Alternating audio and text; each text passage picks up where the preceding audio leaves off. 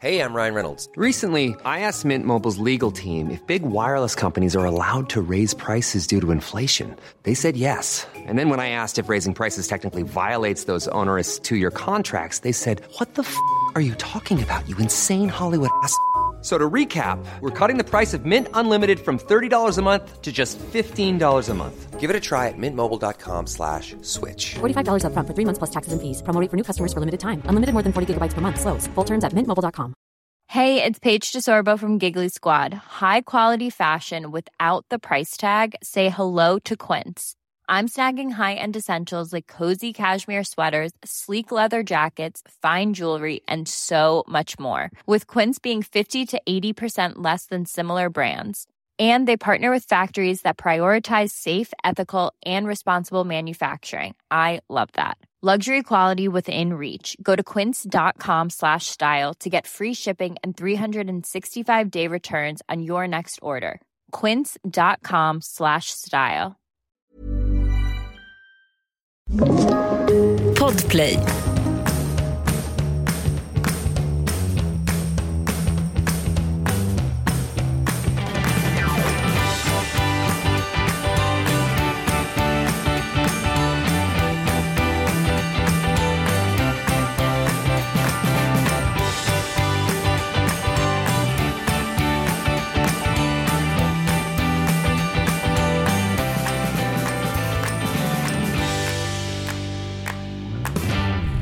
Ann, Ann, Ann, Ann.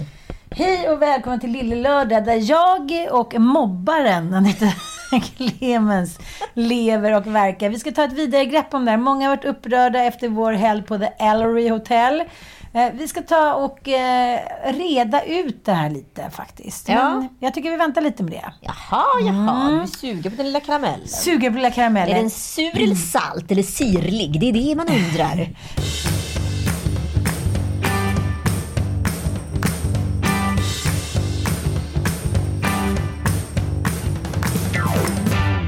Nej, men jag tycker det är väldigt spännande nu. För att inom de närmaste månaderna så kommer ju vi på något sätt eh, överfallas, överösas av olika beteenden som vi inte har förutspått.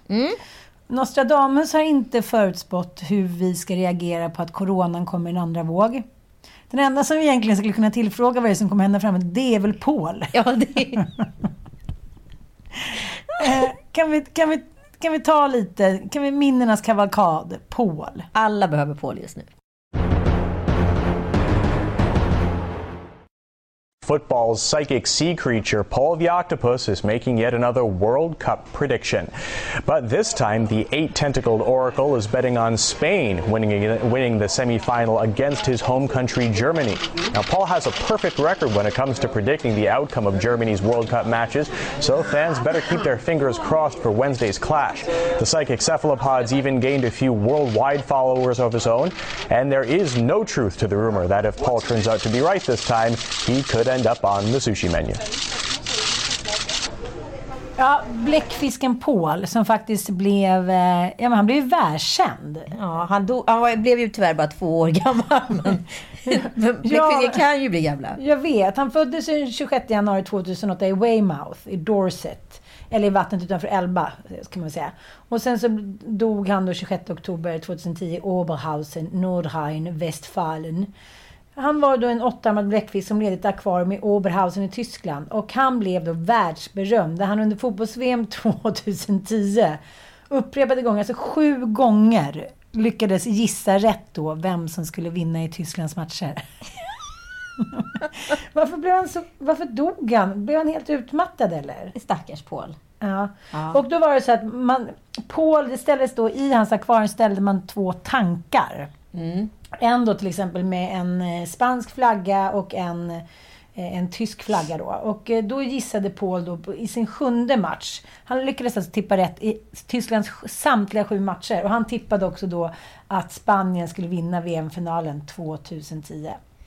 Ja, eh, det är inte så mycket man vet egentligen om Pauls död. Flaggorna var på halvstång utanför akvariet. Life i Oberhausen under hans dödsdag. Och hans skötare hade hittat honom död på botten. Det är det enda man vet. Så Paul har då gått bort i, under natten. Oklar anledning. Och det finns även en kondoleansbok som man kan skriva i. Några fin, fina minnesbok. Du är ond. Ja, Minnesord. Nej, men han var helt slut av att gissa Men de har skaffat en ny Paul. Mitt i all bedrövelsen finns en tröst, skriver Expressen. Paul har nämligen en son. Det är något situationstecken. Vad menas med situationstecken? Är du min syster då? Inom situationstecken. Den nya Beckvist kommer att börja visas på Akvariet Åberg alltså nästa vecka. Vid nästa EM får vi se om man besitter. Ja, nej men VM-redaktet Paul blir två och ett halvt år gammal. Men det finns ingen information om lill-Paul. Vi vet inte om han lever eller om han gissade rätt. Men vila i frid Paul. Ja, ja, ja. Hur som helst så finns Jag kan inte det nämna hans namn, jag dör! Det är så roligt! Med att Anders Tegnell men- kan ersättas utav Paul. Jag tyckte den krönikan var så fruktansvärt rolig. Ja, den var riktigt bra. Men, men eh, alltså Tegnell och Paul, eh, det gjordes en jämförelse av Alex Schulman i en extremt rolig krönika. Nej, men det är mycket som kommer hända nu. Folk kommer ju må dåligt, folk kommer göra konstiga saker. Det kommer bli en ganska sorglig utveckling tror jag. Det märker man också på nätet. Du har ju råkat ut för en gynekolog som... Jag har inte råkat ut för Jag har ju börjat nosa upp trådar som jag tycker är spännande. Väldigt stor hommage till Flashback Forever. Men framförallt så finns det också såna här spännande trådar på Instagram. Här för någon vecka sedan eller två på Katrin Zytomierskas eh, Instagramflöde så hörde plötsligt en person utan profilbild av sig som heter Viktor Rolage. Patienter sökes. Jag heter Leif och jobbar som gynekolog på fritiden. På, fri- På fritiden. Min mottagning är belägen på vackra, vackra Bullanö. Men jag gör även hembesök med min fina gröna sportbil. DMs för övriga frågor och info. Tidsbokning krävs. Söker kvinnor att undersöka på djupet och har en del kända namn som återkommande patienter. Endast seriösa svar mottages. Hör av er om intresse finns. Väl mött, Leif. Sju gilla-markeringar. Men två frågor. Han heter Victor Lars, men sen heter han Nej, Leif. Viktor Lars verkar vara... Något, det är bara kontot som heter det. Han Aha, säger att han heter Leif och han jobbar också som gynekolog på fritiden. Det är ett bra, bra extra knäck. Alltså verkligen. Kanske Vissa spelar tipsa. tennis, vissa är gynekologer. Kanske kan tipsa oss igenom. Han behöver ett sommarjobb. ja, eh, nej men eh, vi ska, vi, nu har jag ju försökt bli kompis här med, med Viktor och Lars. Får vi se, Leif. ja, eller Leif, eller vad han nu heter. Eh, och se vad som händer. Vi forts, fortsättning följer helt enkelt. Men är det där då en förtäckt så här, istället för eh, kontaktannons? Ja men det här är ju en groomer, sugar daddy, whatever. Liksom. Han vill ju ut och pulla. Han är sexmissbrukare och som har fått fri lejd. Men om, om du tittar tillbaka på ditt liv, har du någonsin använt dig av en sugar daddy? Nej, det har jag inte. Jag blev erbjuden sugar daddy vid ett par tillfällen. Hur, eh, hur har du reagerat då? Eh, nej men det är ju ganska... Alltså jag är ju så glad att eh, det har varit så tabubelagt under mina uppväxtår. Ja, ja. Verkar ju inte alls vara lika tabubelagt nu. Alltså, Nej, nej, jag fattar. så att det har ju funnits en moralisk skamfylld kompass att så här, säga att så här, nej men det här är nog inte bra. Det här ska vi nog inte göra. Men det jag inte förstår, kan man, ha, kan man leva tillsammans med någon som är en sugar daddy? Eller blir det något annat då? Nej men vadå, det är jättemånga som lever tillsammans med mina sugar daddies. Bara ett extremt outtalat. Men det är väl jättemånga som är, jag vet nu, en, en berömd kvinna som har blivit ihop med en 60 plus man. Liksom hon är väl ungefär hälften så gammal. Och, och han är väldigt förmögen. Och då är det så här, ja, de lever ju, alltså det är som att han, hon skulle kunna vara hans dotter i princip då. Eh, och verkligen en liten dotter. Med tanke på att han är 30 år äldre. Då blir det ju så här, vad, vad är utbytet om det inte är typ sex och pengar?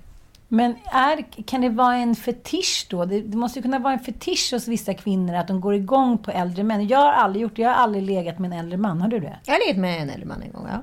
Och hur mycket äldre? Jag var eh, 24 och han var 46 tror jag. Ja, men det är ändå ganska stor skillnad.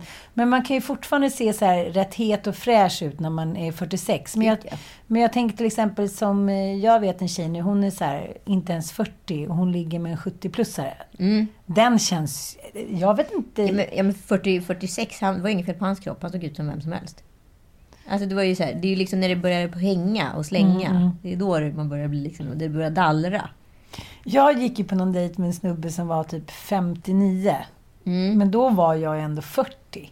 Men jag tyckte att det var så stor skillnad. Jag tyckte verkligen att, när jag satt där på den här lunchen, jag tyckte att jag satt med en sån gubbe. Mm. Och nu träffade jag honom på någon middag för ett tag sedan och då är han ju så här 65. Ah, shit. Och då kände jag så här, jag har ju inte blivit äldre men han blir jättemycket äldre. Jag förstår inte, jag, jag förstår inte vad man får ut av det. Nej, inte jag heller. Det går ju snabbt ut. Efter 40 orkar ju snubbar inte pippa alls på samma sätt. Då är det en gång, så får man vara glad om de liksom får upp den igen närmsta veckan. Nu är du så tråkig. Mm. Nu är du så tråkig. Det är sant ju! Det vet du ingenting om. Det vet du ingenting om. Du lever nu ungtuppen. Står i vakt.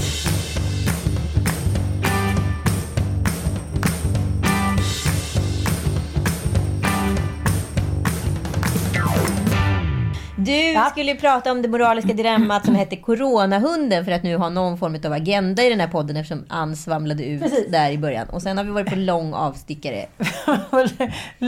Jag har två, det har dykt upp en till moralisk. Jaha, oj, under tiden.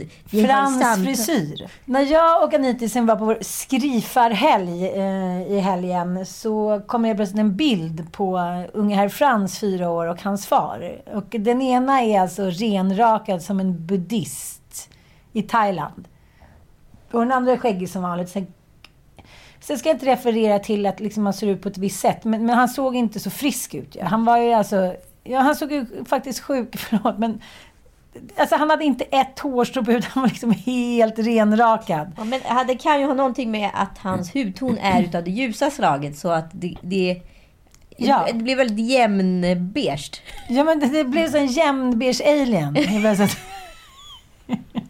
Det är leukemia look. Ja, och då har ju då eh, Ossian, eh, hans bror då, också rakat sig och tycker då att, eh, har frågat om lillebrorsan, fyra år, också vill. Och det, man vill ju göra allt som ens brorsa gör. Men det blev lite fel på inställningen, så nu är de två coneheads liksom. Och då blev jag jättesur på Ossian och liksom ledsen. Jag tycker så här, jag tycker faktiskt att man, man, man får i alla fall ringa och fråga om man ska raka av sin lillebrorsa hela håret. Ja. Ja, ja. Och då kommer jag hem och då ska han börja säga det är någonting du har problem med. Välj kärlek. Ska han börja med sin jävla godhetsvals. Jag bara, men fast det är inte det det har med att göra. Jag tycker att varför han ser ut som ett freak när han kan se ut som en liten gullig pojke. Och sen bara ledde det här till mer grejer. Så tänkte jag att jag måste markera för att han, han förstår inte. Då sa jag att det kanske har att göra med att min mamma gick bort i cancer och tappade allt sitt hår. Det kanske oh, sitter nej, där. du drog cancerkortet. Ja, men det kanske har med det att göra att jag tycker att det är så otroligt jobbigt. Men jag tyckte också att han såg helt cancersjuk ut. Ja, Ja. såklart. ja. Ja, men då, måste, då, då, liksom, då förstår han att jag kanske är lite du har ju å sårad. andra sidan, du har ju andra sidan, Mycket hår. Överallt. Ja, kanske är därför.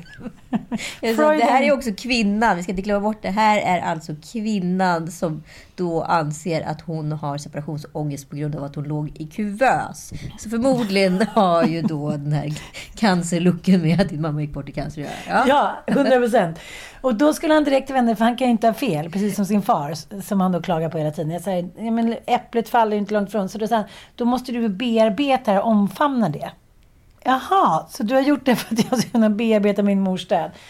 Sen till slut i alla fall bad han om ursäkt och... Gud det här är eh, nordenskt, jag orkar inte. Nej, jag vet. Då är, mitt, då är, min fråga till er kära följare.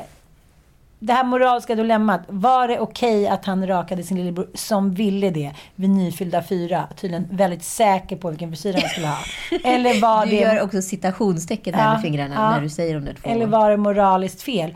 Och jag måste ändå säga, det, det, det vittnar ju om att man är frisk när man har hår. Det går ju inte att komma ifrån. Sen kan man ju ha tappat det som man lite dit för att man blir tunnhårig. Men det är ju en helt annan Du approach. menar att alla tunnhåriga människor är Nej, men jag menar inte så. Men om ett barn är flintskallig så, så är ju det ofta på grund av sjukdom. Ja, det var mitt moraliska problem. Det är andra gången han gör det här också. Han är så här, i sin kamp, liksom i sin frihetskamp, där han så här ska omfamna hela världen, att man inte ska ha några negativa känslor. Kom inte hem nu med dina negativa känslor. Eh, Då tycker han, jag fortfarande att han har gjort rätt. Och att, att Frans är så stolt över den här frisyren. Jag bara, vilken frisyr? Det är ju ingen frisyr. i frånvaron av en frisyr. Ja, han är ju ett ägg, egghead, coonhead. Ja, nu har buddhisten Frans, alltså det är frågan. Är det rätt utav brodern att raka honom utan hans insyn i det hela? Eller får man, måste man kolla med mamma först? Det är där Ja. det moraliska Ja. dilemmat ligger.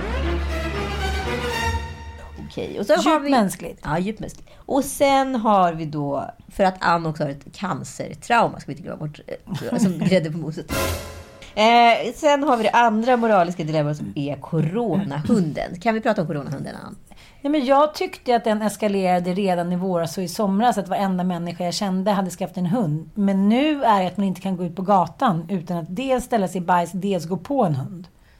För att Det alla... moraliska dilemmat är att så här, skaffa inte coronahund för jag kan snubbla. Nej, men jag känner så här. Min syster, min eh, fantastiska syster fick ju för sig att hon skulle ha hund. Hon har fått för sig mycket grejer. Men just den här gången runt 20 plus fick hon för sig att hon skulle köpa en Golden Retriever.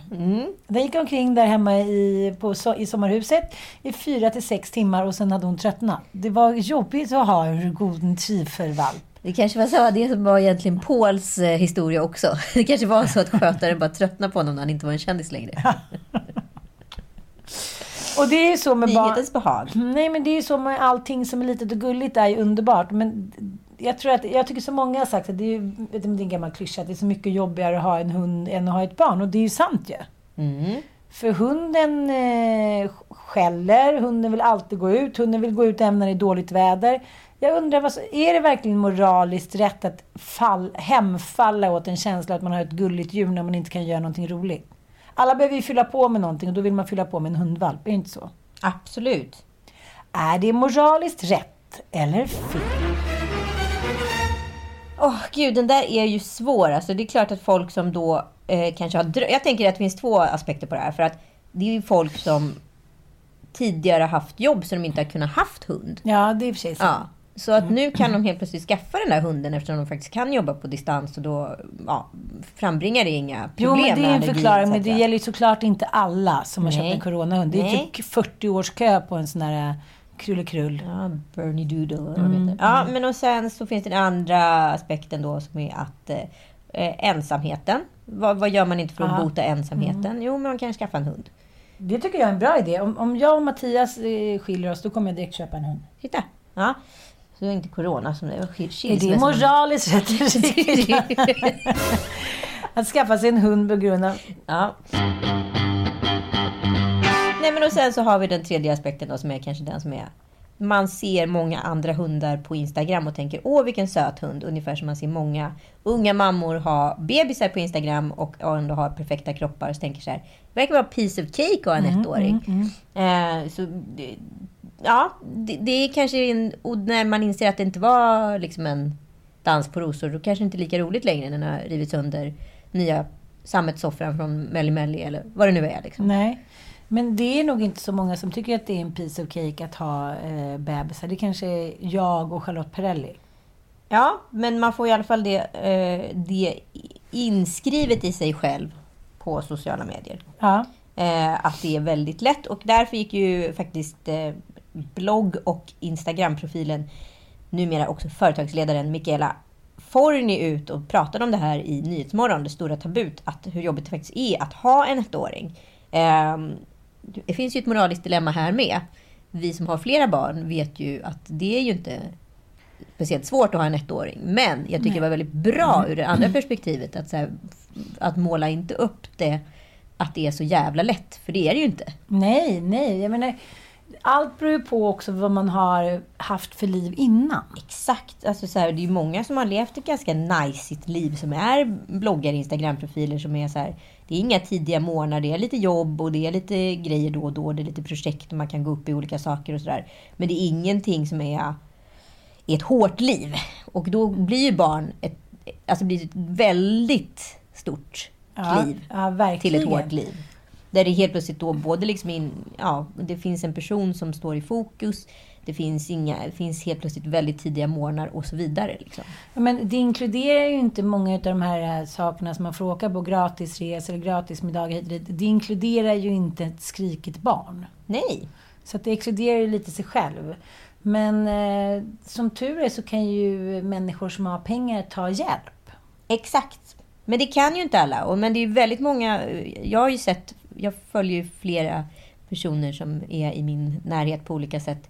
Som inte är kända på något sätt. Men som jag har sett skaffat då barn 20 plus.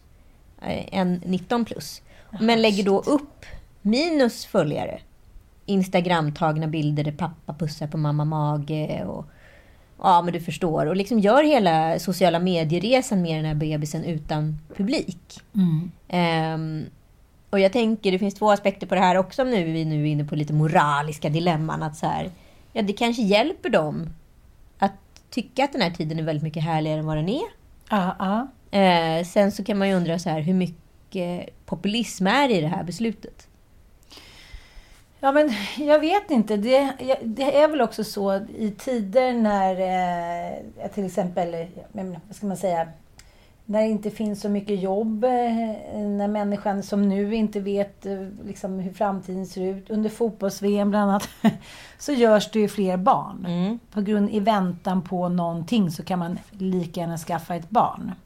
Och det är ju också, ja men, men den, eh, det har ju också varit vedertaget mm, nu när man kan få samma mammapeng inom två år så är det ju många som skaffar barn inom de här magiska två åren för att Precis, men i det här fallet så har vi ju två personer som då båda har slutat gymnasiet eller skulle precis ta studenten och blev gravida.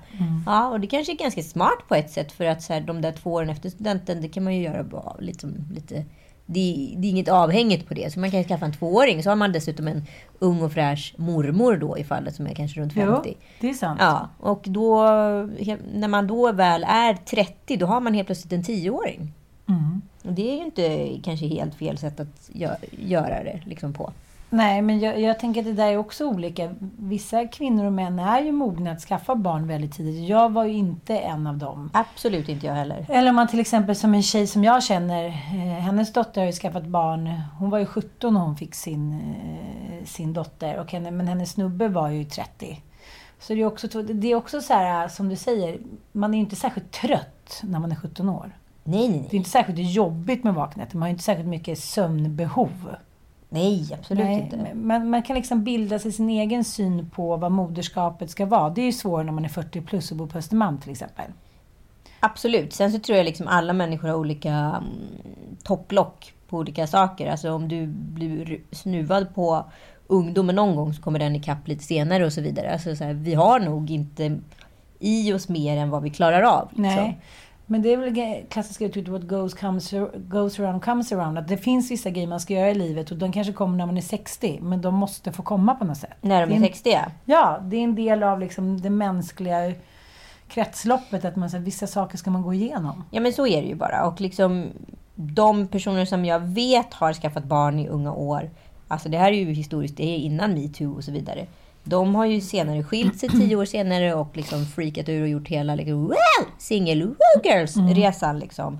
Och kanske landat i någon ny relation tio år senare. Så det där singelåret som de, man kanske egentligen, kanske inte säger att det är tio år, men liksom har lite on and off relationer med olika folk mellan 20 och 30. Det har man då tagit istället mellan 30 och 40. Och då är den landningen ganska mycket hårdare. Men jag tänker om jag skulle ha skaffat barn med killen jag var tillsammans med när jag var 17. Perre. Berätta om Perre. Jag vet allt. Ja men Perre, gulle-Perre. Eh, jag träffade honom för några veckor sedan. Var det han du träffade på baren? Nej, honom Nej. träffade jag på skolan. Eh, och på en kompis skola. De har barn i samma klass. Mm.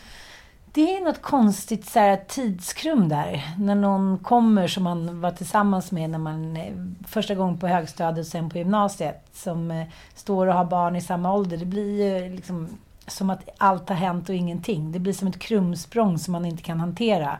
Och så finns det vissa människor som man har älskat, som man alltid kommer att älska. För det finns bara en mjuk känsla i kroppen. Precis. Det är liksom Sen- ingenting som blev farligt. Det var inte så här, det var ingen ondska eller otur. Det var ingenting som förstördes. Det var bara så här, två unga människor som gjorde slut med varandra. Ja. Ja.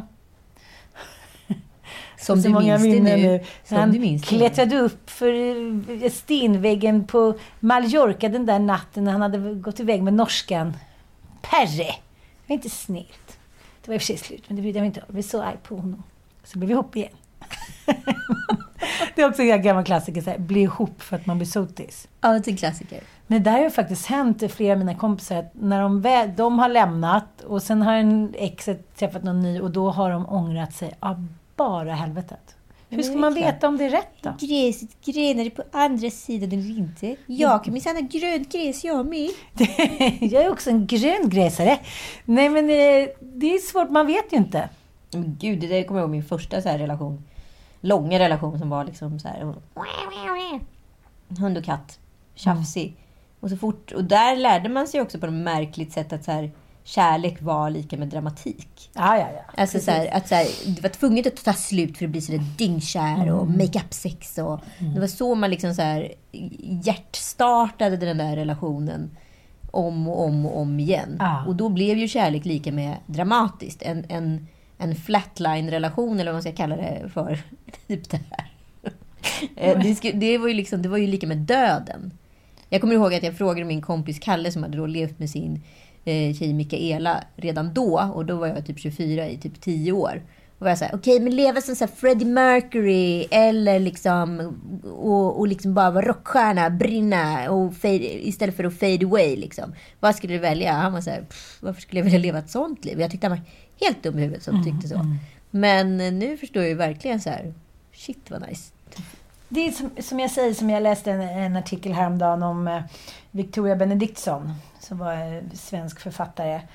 Som då eh, liksom hatade sitt eget äktenskap. Hon eh, blev friad till av sin kusin, tror jag var, som var så här 17 år äldre. Och så fick hon ta hand om hans typ fem styvbarn och bara försökte ta sitt liv och hatade, hatade livet. Eh, hur som helst så eh, åkte hon då till Köpenhamn och eh, på en av de här liksom, litterära mötena då så träffade hon Jill Brandes som var då dansk litteraturkritiker och litteraturforskare. Och eh, de inledde då någon platonsk kärlekshistoria och hon blev så kär att hon kunde liksom inte hon kunde inte arbeta, hon kunde inte andas, hon kunde inte... Alltså hon bara... Hela hennes liv gick ut på att andas den här mannen då. Och sen så en kväll så kom han dit när hon var i Köpenhamn och så, så, så började de hångla och sen så sa han så här... Ska jag inte ge det till mig, då går jag. Och då sa han så här, okej jag gör det då, jag gör det. Och så gick hon in i sovkammaren och så, så klädde hon av sig. Så kom han in och så började de kyssa. Så sa han, Ska du inte ta av dig nattlinnet? Då ville hon ligga i det. Då för hon tyckte det var som skam för hon var gift och sådär. Och sen låg de och sen pratade han aldrig mer med henne. Och några veckor senare så tog hon sitt liv. Nej. Hotellrummet i Köpenhamn. Du skojar? Mm. Då tyckte han liksom, nu hade han fått sitt. Och, hur, jaha, och vad hände sen då? Nej, sen blev hon begraven och eh, hennes eh, kompis då, som också yngre eh, manliga vän som bodde i Köpenhamn översatte många av hennes böcker och gav ut dem då postumt. Men nej, det, hon orkade liksom inte leva när hon hade gett sig åt honom och han bara struntade i henne. Oj. Och vad ville du säga med det här? Att när jag läser om dessa öden så känner jag så här, nej men som vi har pratat om innan, orkar man? Hur många gånger orkar man köra? Så jag tänker den gamla skådisen Don Johnson, gift sju gånger. Mm. Nej, men, dels ger det ju såklart massa energi, men det är också det att det är det enda man tänker på. Man blir ju sjuk under ett års tid. Man måste ju vara sjukskriven. För man är så galen. Ja, man är ju det. Man kan ju göra så galna grejer för den här kärleken. Och känner så här, att bli så där kär, är det ens värt det? Gud, jag vet inte. Jag har ingen aning. Och så det är ju man- mest råhärliga på jorden. Och det, men det är ju ett gift, det är ett elixir. Men det, det är ju så här, det, är också no, det finns ju någonting, i alla fall i mig, som säger det där ska man inte göra för ofta.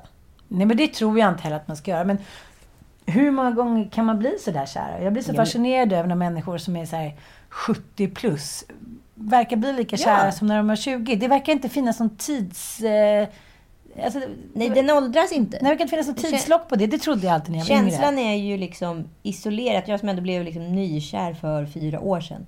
kan säga att det är exakt samma känsla som när jag var tonåring. Och blev sådär dödskär. Mm, mm. Nej, men jag kände ju samma sak med Mattis. Det var så här, man kunde springa fyra mil på 18 minuter. Ja, just det. Det var du ja. Du och Nej Kuka men, nej, men det är någonting att man blir ju...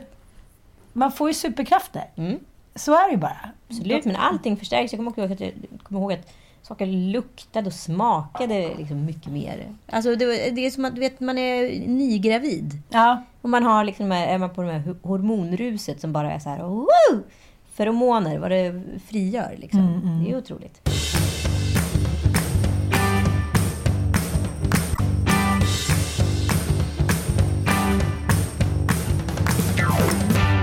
Ju inlåsta i 24 timmar helgen för vi skulle ha skrivarhelg på The Ellery Hotel på Lidingö, Stockholm. Väldigt mysigt.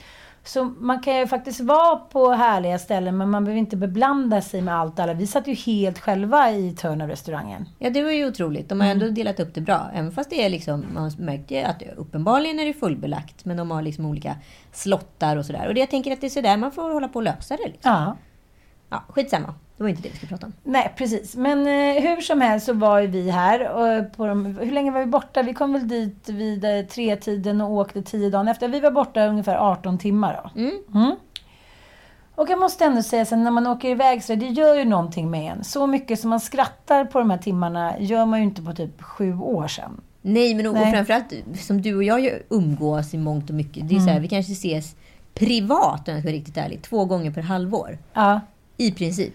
Och sen så, däremellan så jobbar vi antingen med podden eller så är det liksom all, att vi ses kanske med barnen. eh, Att det finns en agenda för vårt umgänge. Den här agendan handlar om att vi ska skriva en ny show som ska upp i vår eller i höst eller när fan det blir. Ja, skitsamma. Eh, Någon gång under vårt liv. Någon gång under 2021 så kommer det en ny show. Ja. Eh, och eh, att få sitta så här dedikerat med en av sina bästa vänner, det finns ingen lyxigare på jorden.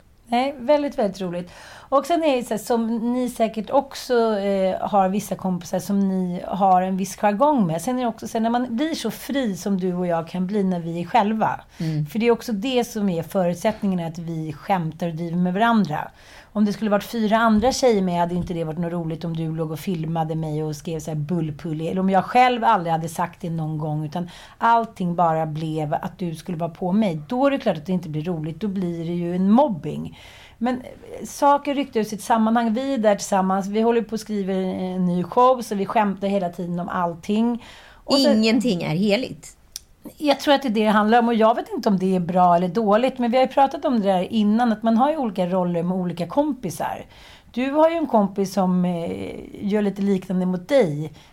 Utsätter dig för, ja men, bra Där, blick jag, på... där jag är Ann i våran relation. Precis, och precis. jag är ju väldigt snabb med min telefon. Så jag, och jag kan ju dig utan och innan. Mm. Och när jag liksom kan differentiera våra olikheter.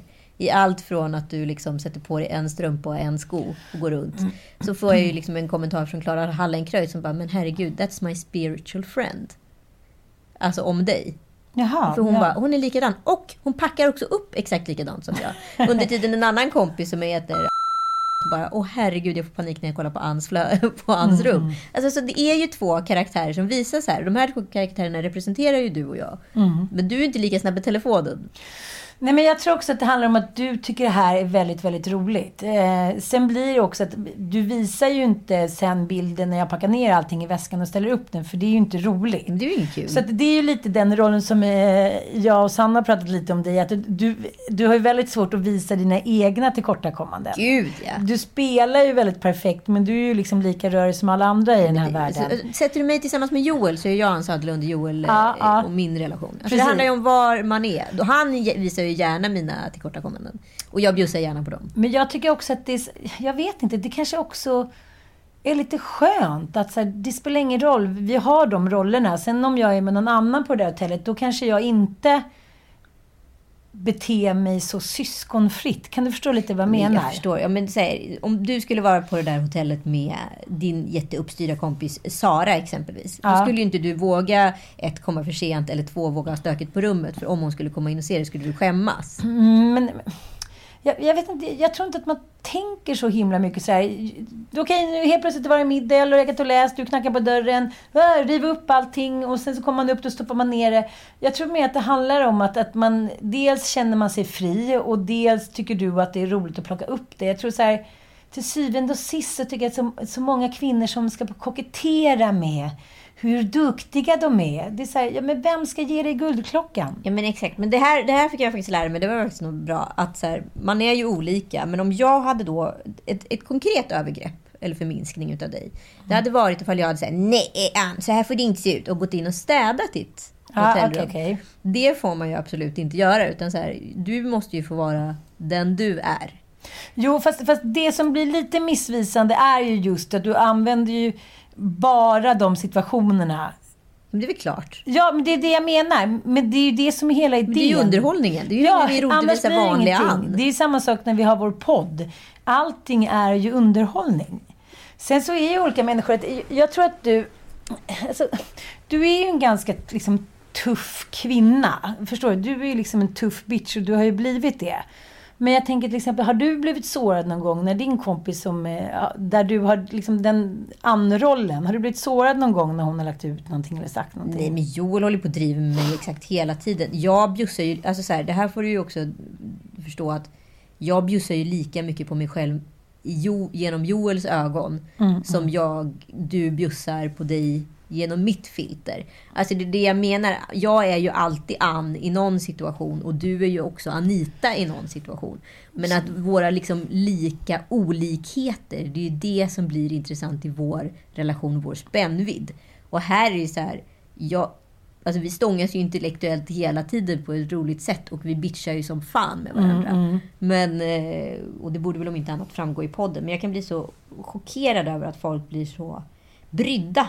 Men de tycker ju verkligen synd om mig. De tycker verkligen synd om Ja. dig, som att du är ett offer. Ja, de skickar till mig, det är allt så här, hon borde vara snällare, hon tjänar pengar på det, var det någon som skickade. jag bara, nu när du säger det. Eh, Jag vet inte, jag tror att man känner, jag, jag tror att man känner när gränsen är nådd. Och det är den ju ibland från båda sidor. Och då säger vi stopp. Men Ja. det är kanske ingenting som vi liksom visar på Instagram.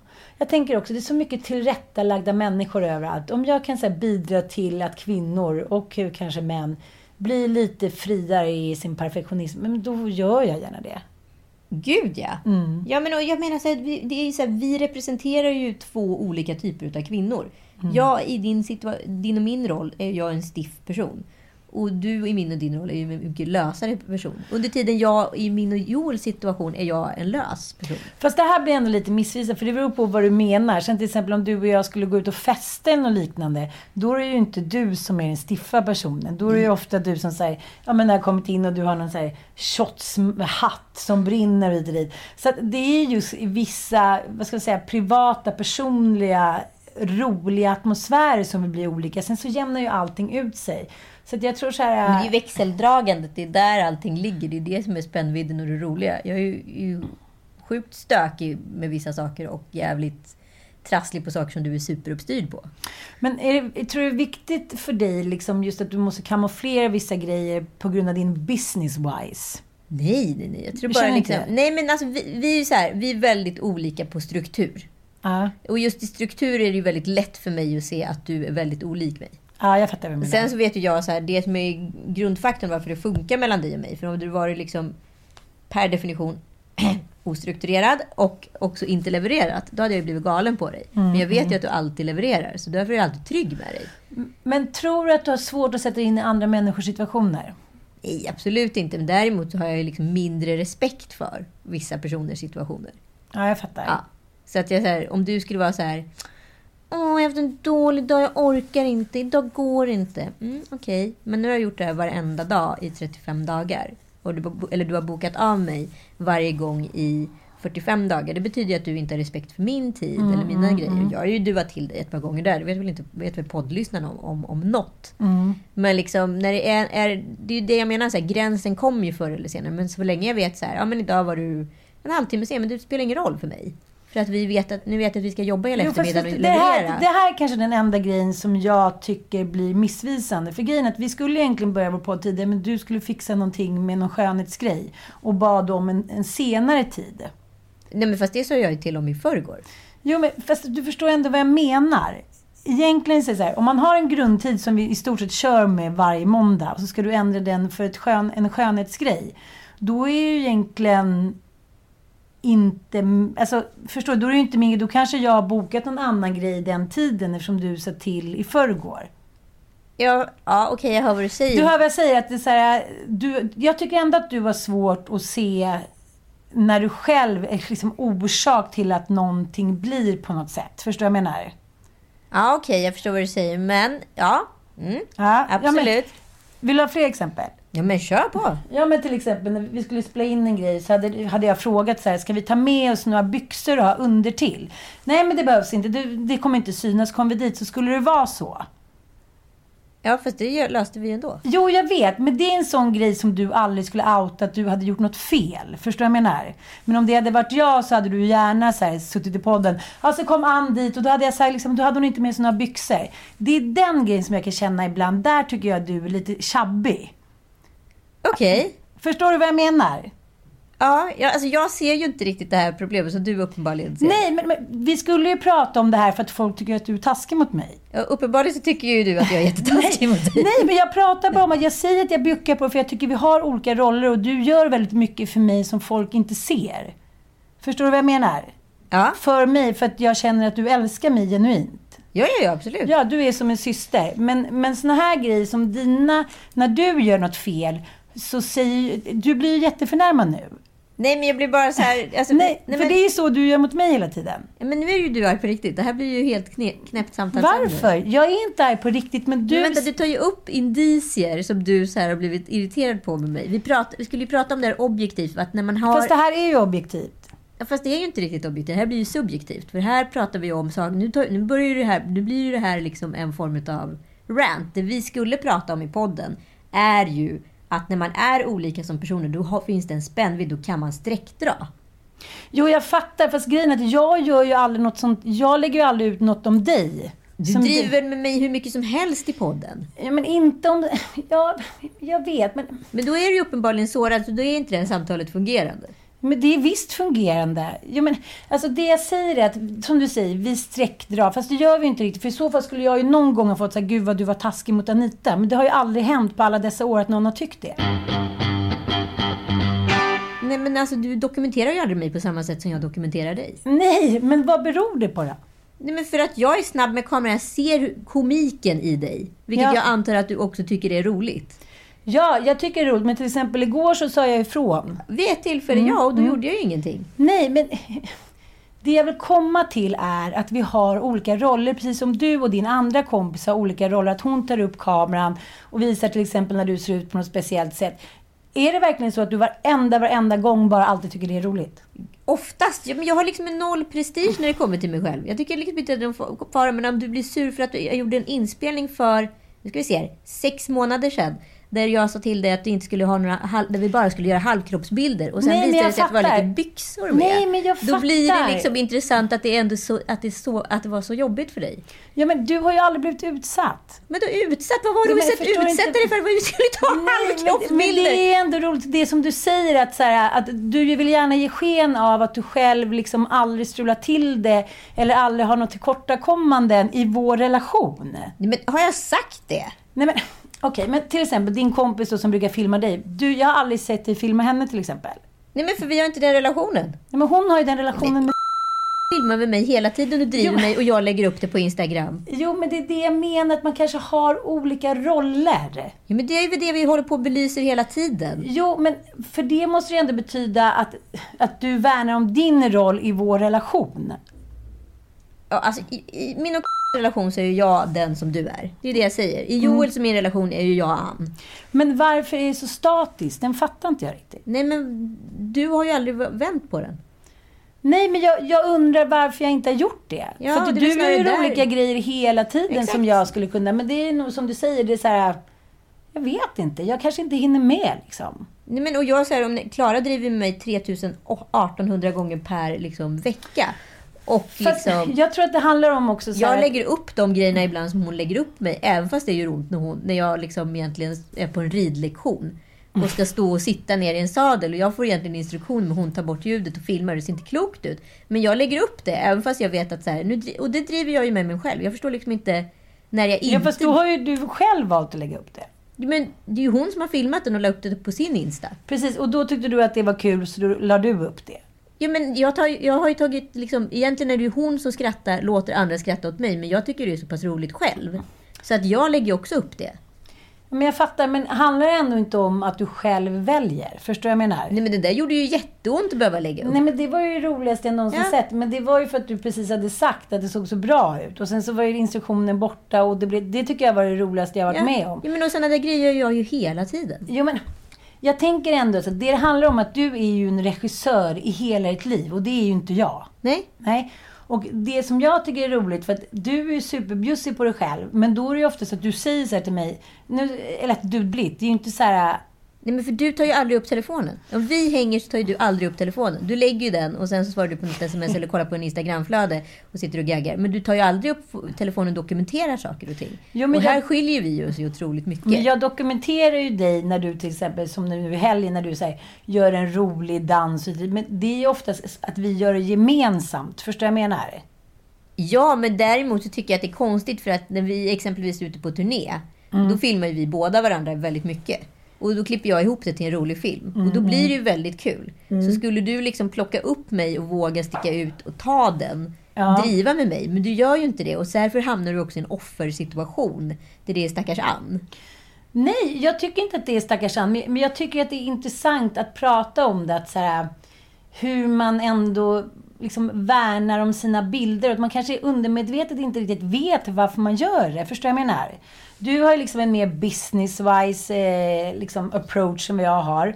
Och då är det väl ändå viktigt att framstå som liksom... Men det är ju precis det det inte är när jag ändå lägger upp filmer som, där andra driver mig. Joel filmade mig förra veckan när jag går på toa och inte sagt till att vattnet är avstängt i fastigheten.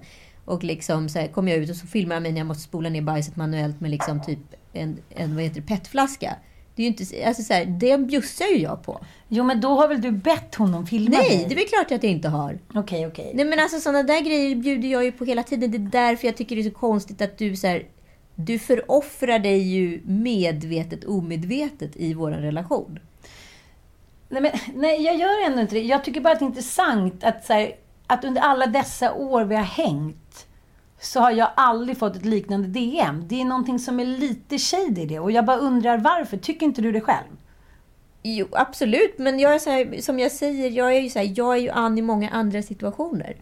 Och det är ju många som skickar DM till mig också. Så här, Gud, hur orkar du leva med Ann? Eller hur kan du, orkar du jobba med Ann? För att de, ser, de är ju på min sida och är den ordningsamma enligt stereotypen.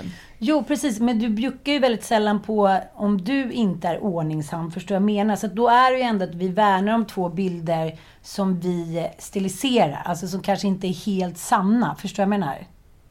Nej, absolut. Håller du inte med om det? Mm, nej, men absolut. Men nu är du jättesårad. Nej, nej, nej. Jag, måste jag, bara, nej, jag bara blir bara full i skratt. Nej, men absolut. Nej, men det här är ju ditt problem. Att nu blir du sårad. Nej, men jag är du... inte ett dugg nej, sårad, Jo, det är, jag ser att du är Nej, sårad. jag blir bara full i skratt att du säger att så här, nej men det är väl klart att så här, det, nej, du, du är jätteordningsam. Jo, men som jag tycker att, så här, om, om du menar den rollen som du och Klara har, så tycker jag också att den är väldigt stiliserad. Så är den är ju inte heller sann. Nej, alltså jag vet inte. Vad, vad, vi driver ju med varandra hela tiden också. Jo, men det är det jag menar. Det här, du kan inte säga att den rollen och du och jag, den vi påvisar är helt sann. Den du och Klara påvisar är inte helt sann. Är Nej, men två om, jag roller skulle, om, jag som skulle vi ställa, antagit. om jag skulle ställa frågan till tio av dina kompisar att du Ja. är ordningsam och kommer i tid. Då skulle väl ganska många säga så här, Nej, nej, jag vet. Jag säger inte det. Men du, du kan ju inte säga att allting som vi... Eh, så här, det är ju det som också är roligt, att vi har två befästa... Alltså, annars skulle vi inte kunna gjort någon rolig show. Annars skulle det liksom vara mycket svårare att göra liksom, podden.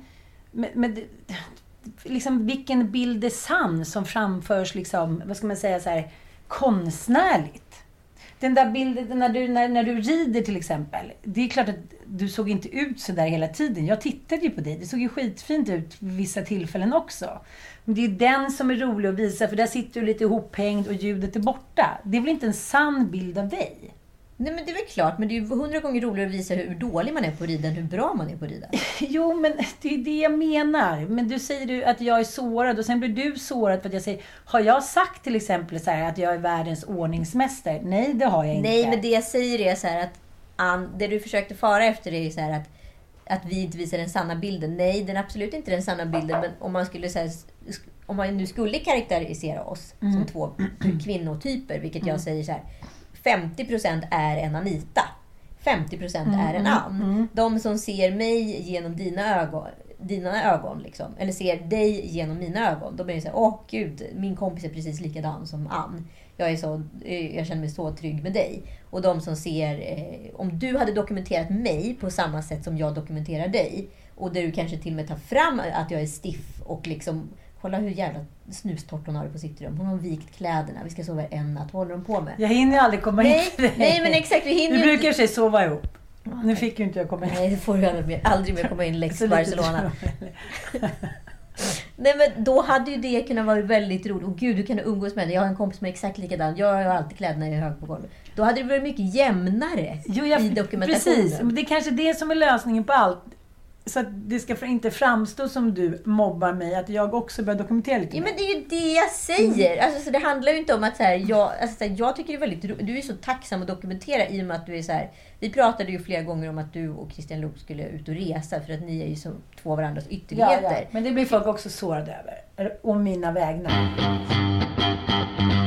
När jag ska iväg så liksom, det är inte så viktigt för mig. Förstår? Jag tänkte på det när vi skulle käka. Men du är så, jag, jag liksom blir väldigt stolt över dig att du eh, faktiskt bryr dig så mycket om din approach. Jag är faktiskt avis på det, om, om vi ska prata om avundsjuka.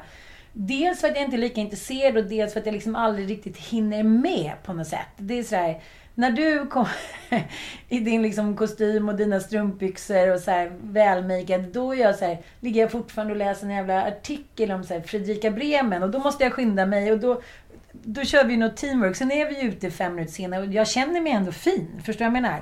Ja, men jag har satt på mig lite smink och du liksom fixar lite håret och jag får på mig någon skjorta. Men det är liksom inte genomtänkt och det är väl kanske också så här... Det är den någonting som jag- ordningsamma sidan av dig. Nej, men jag är ganska duktig på att koka soppa på en spik. Liksom. Men jag kan också bli avis på hur mycket du anstränger dig. Förstår du vad jag menar? Ja, men jag tycker att det är kul med kläder och outfits. Så så här, Ja. Då tänker jag ju redan hemma då så här. Det här ska jag på mig ikväll. Ja, jag tycker det är underbart. Men för mig är det så här, okej. Okay, jag tror att det det handlar om, att jag liksom...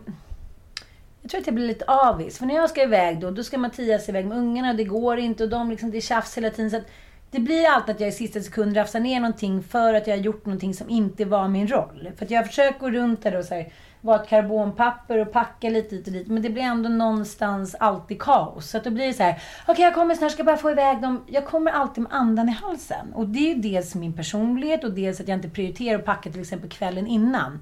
Men dels också att jag så här, tar på mig grejer som jag inte ska göra eftersom vi har bestämt att jag inte ska gå in i klä på, gå ut i parken, bla bla bla. Så det är ju verkligen ett sammelsurium allting. Medan alltså, du är hemma med Joel, du går omkring på kvällen. Du är den typen av kvinna som min kompis Lillåsa eller massa kompisar. Sen är det jag och Sanna, det är också lite samma. Så här, vi kommer båda två och säger, har du smink, har du tandkräm? Vi prioriterar inte det bara. Nej. Men jag tycker ändå att det är något fascinerande i det där att man har olika roller med olika kompisar. Ja, men och det är har fem skönt. barn, jag har två barn varannan vecka. Det är väl klart att våra så här, olikheter speglas i liksom, hu- hur hela vårt liv ser ut. Alltså jag är ju en mycket mer kontrollerad person än dig. Och du är ju liksom, alltså så här, skulle man dra ner byxorna på varandra på riktigt så är det så här att Ann ska tvingas in i kontroll i en vecka. Du ska, det är ju så här ombytta roller och jag ska tvingas leva ditt liv. Jag tror vi båda hade blivit psyksjuka på kuppen för att liksom våra världsföreställningar är ju baserad på att så här, vi har ju hittat vår roll i vårt sammanhang. Liksom. Och så här, skulle jag vara du i en vecka och du vara jag, då skulle ju ingen må speciellt bra. Det är jag övertygad om. Men jag tror att så här, du är så nära mig, men jag tror att jag är avundsjuk på den där liksom kvinnligheten på något sätt. Förstår du? Nej, varför då? Du är ju superkvinnlig. Ja, men, jo, jag, jag förstår, men att, att så här, du hinner tänka igenom din kvinnlighet och din struktur.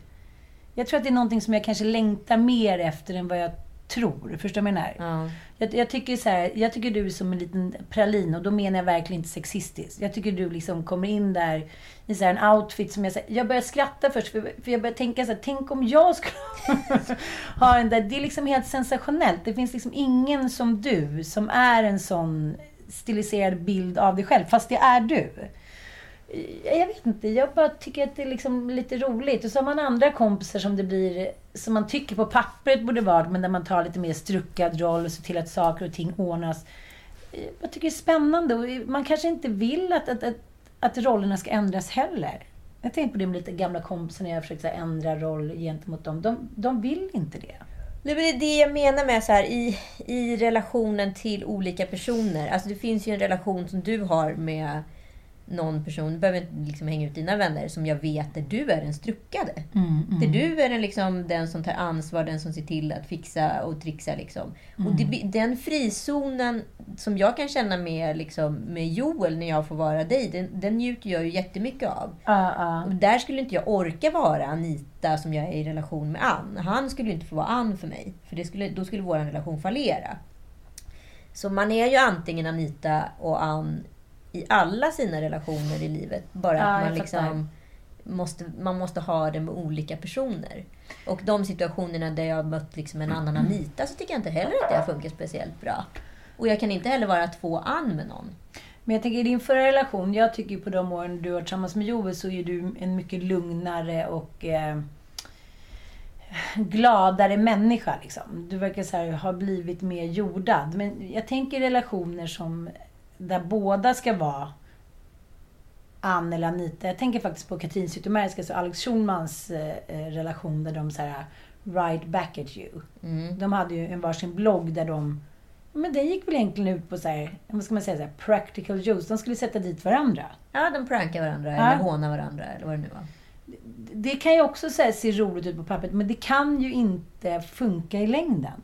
Ja, men det är väl klart, sådana där relationer tär ju. Det där är ju liksom, alltså, menar, vi driver ju också med varandra, men uppenbarligen får vi prata om det då och då. För att så här, ja men det där var liksom inte så schysst eller sådär. Men då är det ju inte oftast mer än ett samtal bort. Men liksom att leva liksom en person som man inte kan lita på. Då är ju vapen i vapenhuset liksom riktade mot varandra. Den är ju svår liksom. Där ska ju du vara skyddad. Men det kanske handlar om att vi här, gått igenom så mycket så att jag litar ju 100% på dig. Jag känner så här, allt jag lämnar med dig, allt jag säger till dig. Jag skulle bli så här otroligt förvånad om du backstabbade mig. Men det skulle ju inte hända. Nej, för att det är så här, det är som att backstabba sig själv. Jag tycker man hör liksom kvinnor som backstabbar varandra hela tiden med deras så här vackraste gåvor i form av förtroende som de skiter i. Så här, pissar på för att de tycker att det är spännande att berätta det. För att de tycker att de har moraliskt rätt att berätta det till exempel för sin karaslok eller någon annan kompis. Jag fattar inte den. Nej men varför skulle det ens vara relevant? För att så här, då skulle inte jag våga dela något med dig heller. Nej, men det finns ju inte så många som man gör det. Och jag tror så här, för fyra år sedan hade inte jag gjort det. Men eftersom vi har gått igenom allting och så här bråkat och... Men som att vilken jävla relation som helst som har kommit ut på andra sidan. Så, så finns det liksom... Det finns inte så mycket spel kvar. Förstår du vad jag menar? Men jag tycker ändå att det här är en intressant psykologisk liksom mindfuck. Att, så här, att ibland kanske man tänker att man så här, tar sig en roll som man inte är så himla nöjd med. Förstår du vad jag menar? Ja, ja, absolut. Absolut. Men jag tycker ju så här, det som är... Jag hade ju njutit hundra gånger mer utav liksom de här dokumentationerna utav helgen om du hade plockat upp kameran och filmat hur stiff jag är i sammanhanget.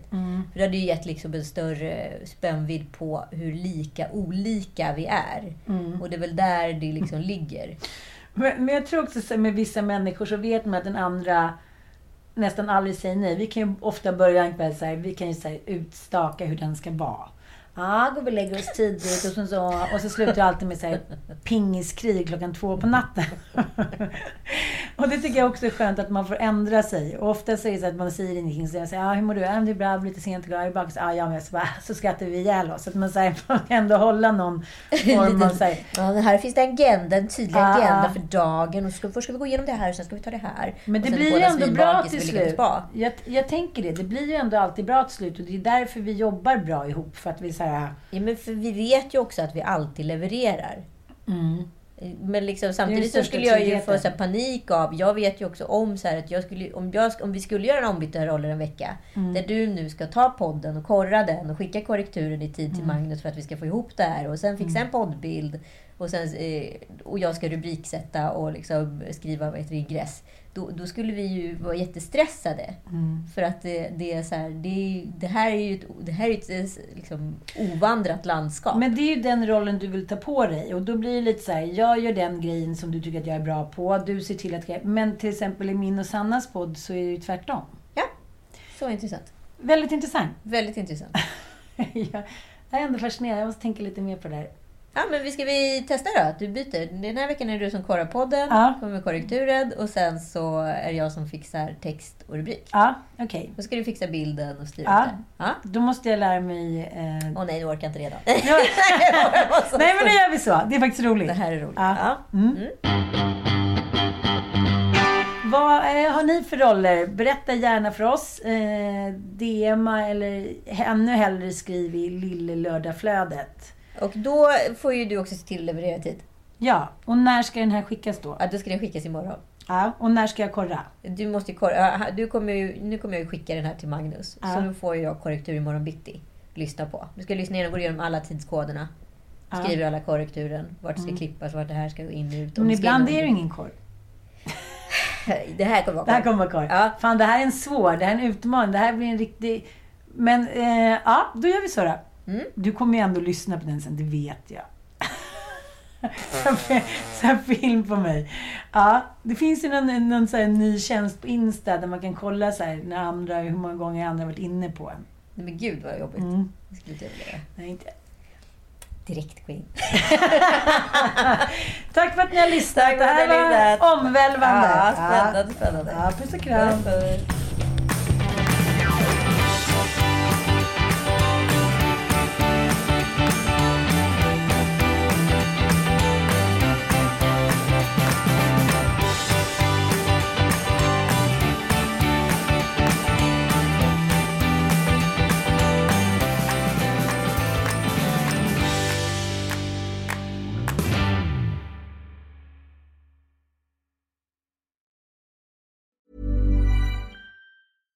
Selling a little or a lot?